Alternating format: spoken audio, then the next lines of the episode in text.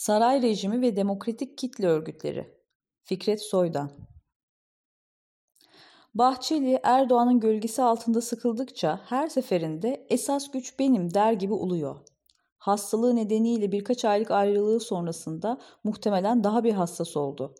Erdoğan'la olan ilişkilerini daha da derinleştirdi.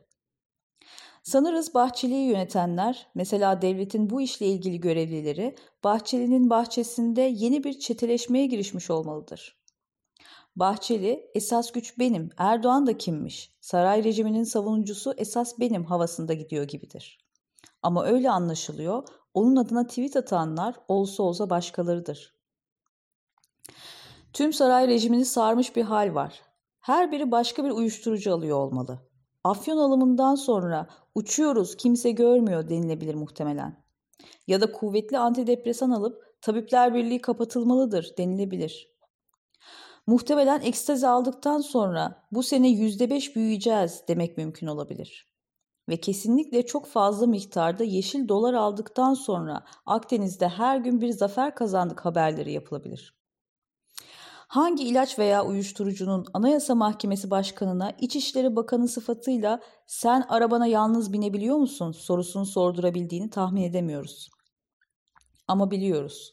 İşit çetelerini çoluk çocuk, kadın erkek katlettirmek için epeyce uyuşturucu taşıdıklarını biliyoruz.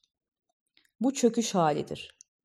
Saray rejimi tüm kurumları ile çürümektedir ve bu çürümeyi topluma aşılamak, toplumu da her yönüyle çürütmek istiyorlar.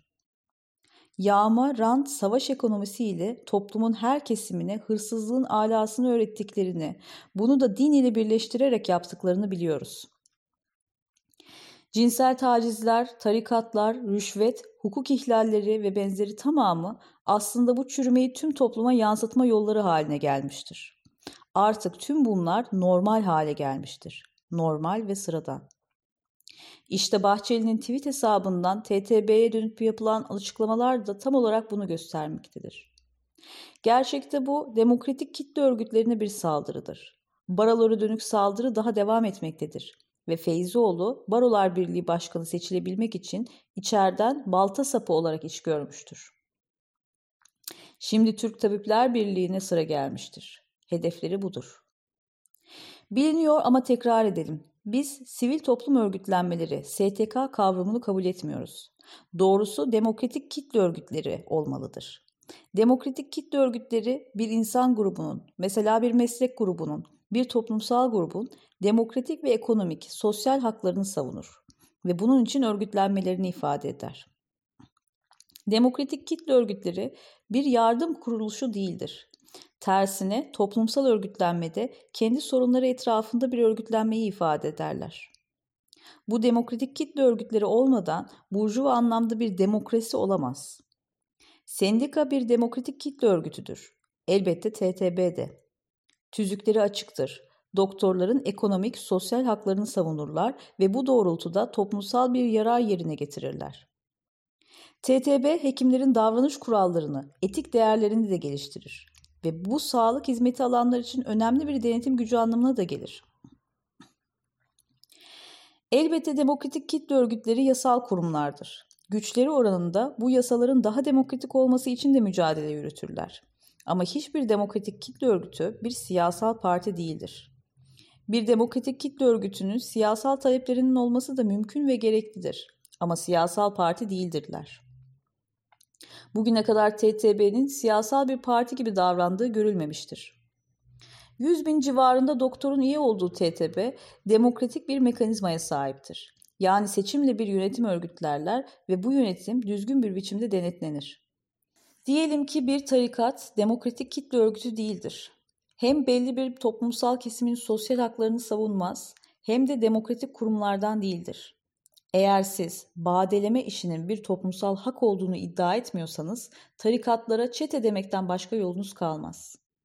Bir şeyh vardır ve o şeyh postu en sevdiğine bırakır. Yeni şeyh seçilmez. Böyle bir işleyişe sahip değildir. Birçok kişi tarikatları bir STK olarak ele alır. İktidarlar tarikat oylarına dini kullanmak için çeşitli araçlara ihtiyaç duyarlar ve bunları da bir güç odağı olmaları nedeniyle mesela çete diye adlandırmak yerine STK diye adlandırırlar.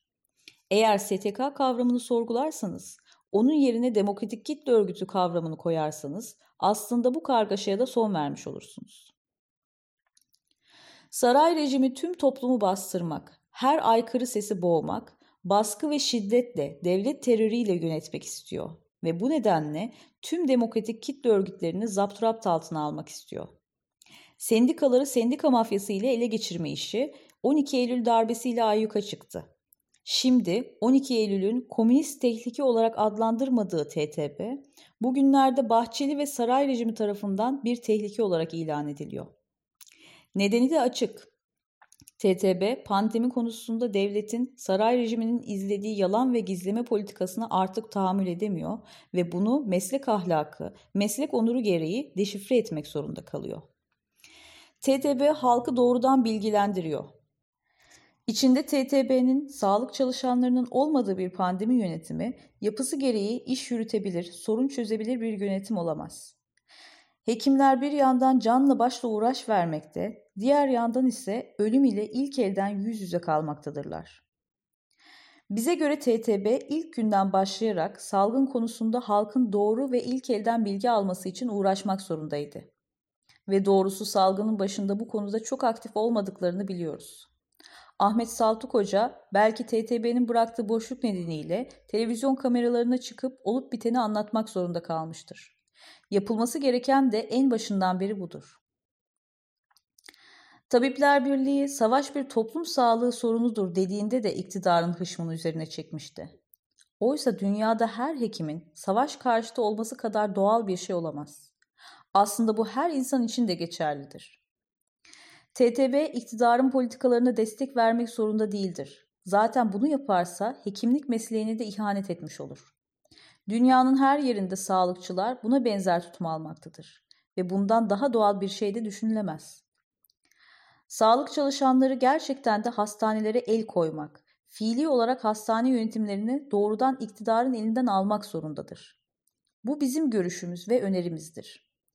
Çünkü siyasal iktidar pandemiyi kitleleri korkutmak, bunalımı gizlemek, iktidar zafiyetlerini örtmek, baskıyı arttırmak için bir araç olarak kullanmaktadır.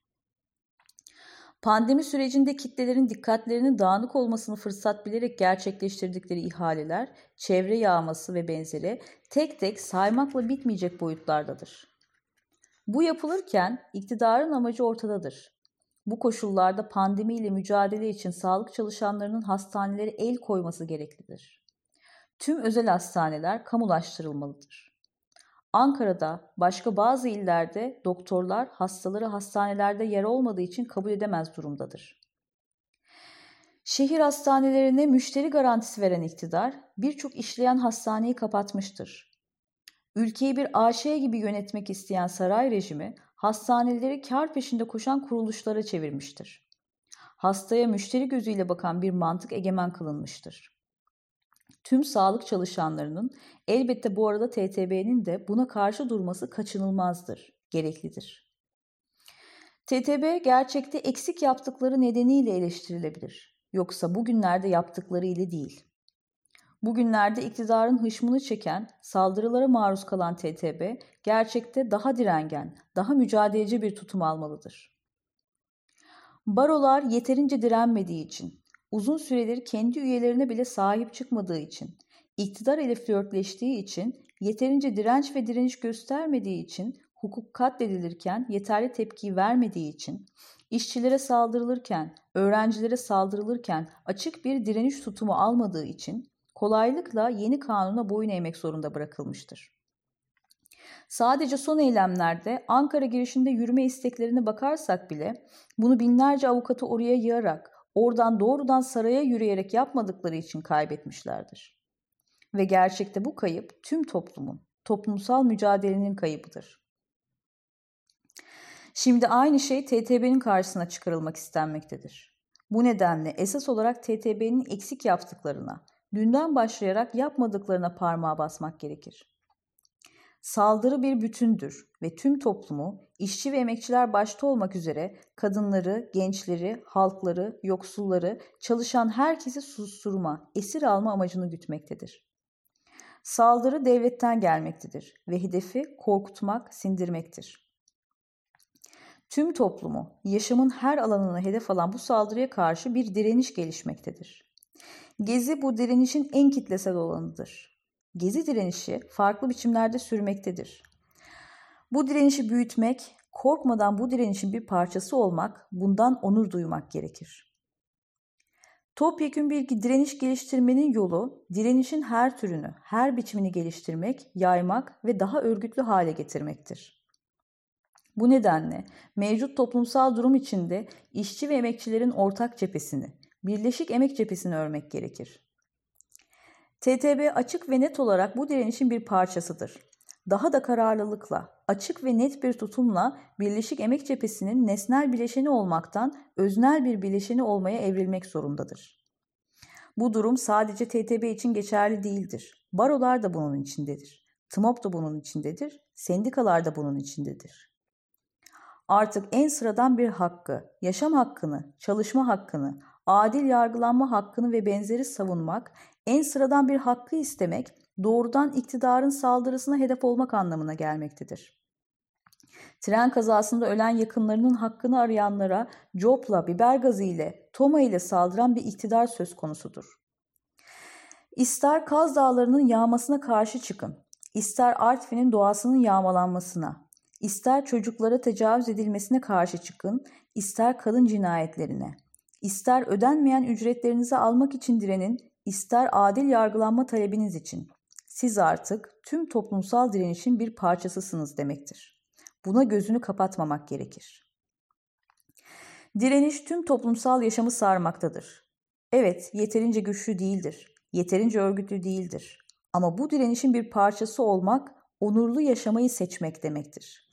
Bu nedenle örgütlenmek, örgütlerimize sahip çıkmak, onları daha sağlam direniş odakları haline getirmek dışında kurtuluş yolu yoktur.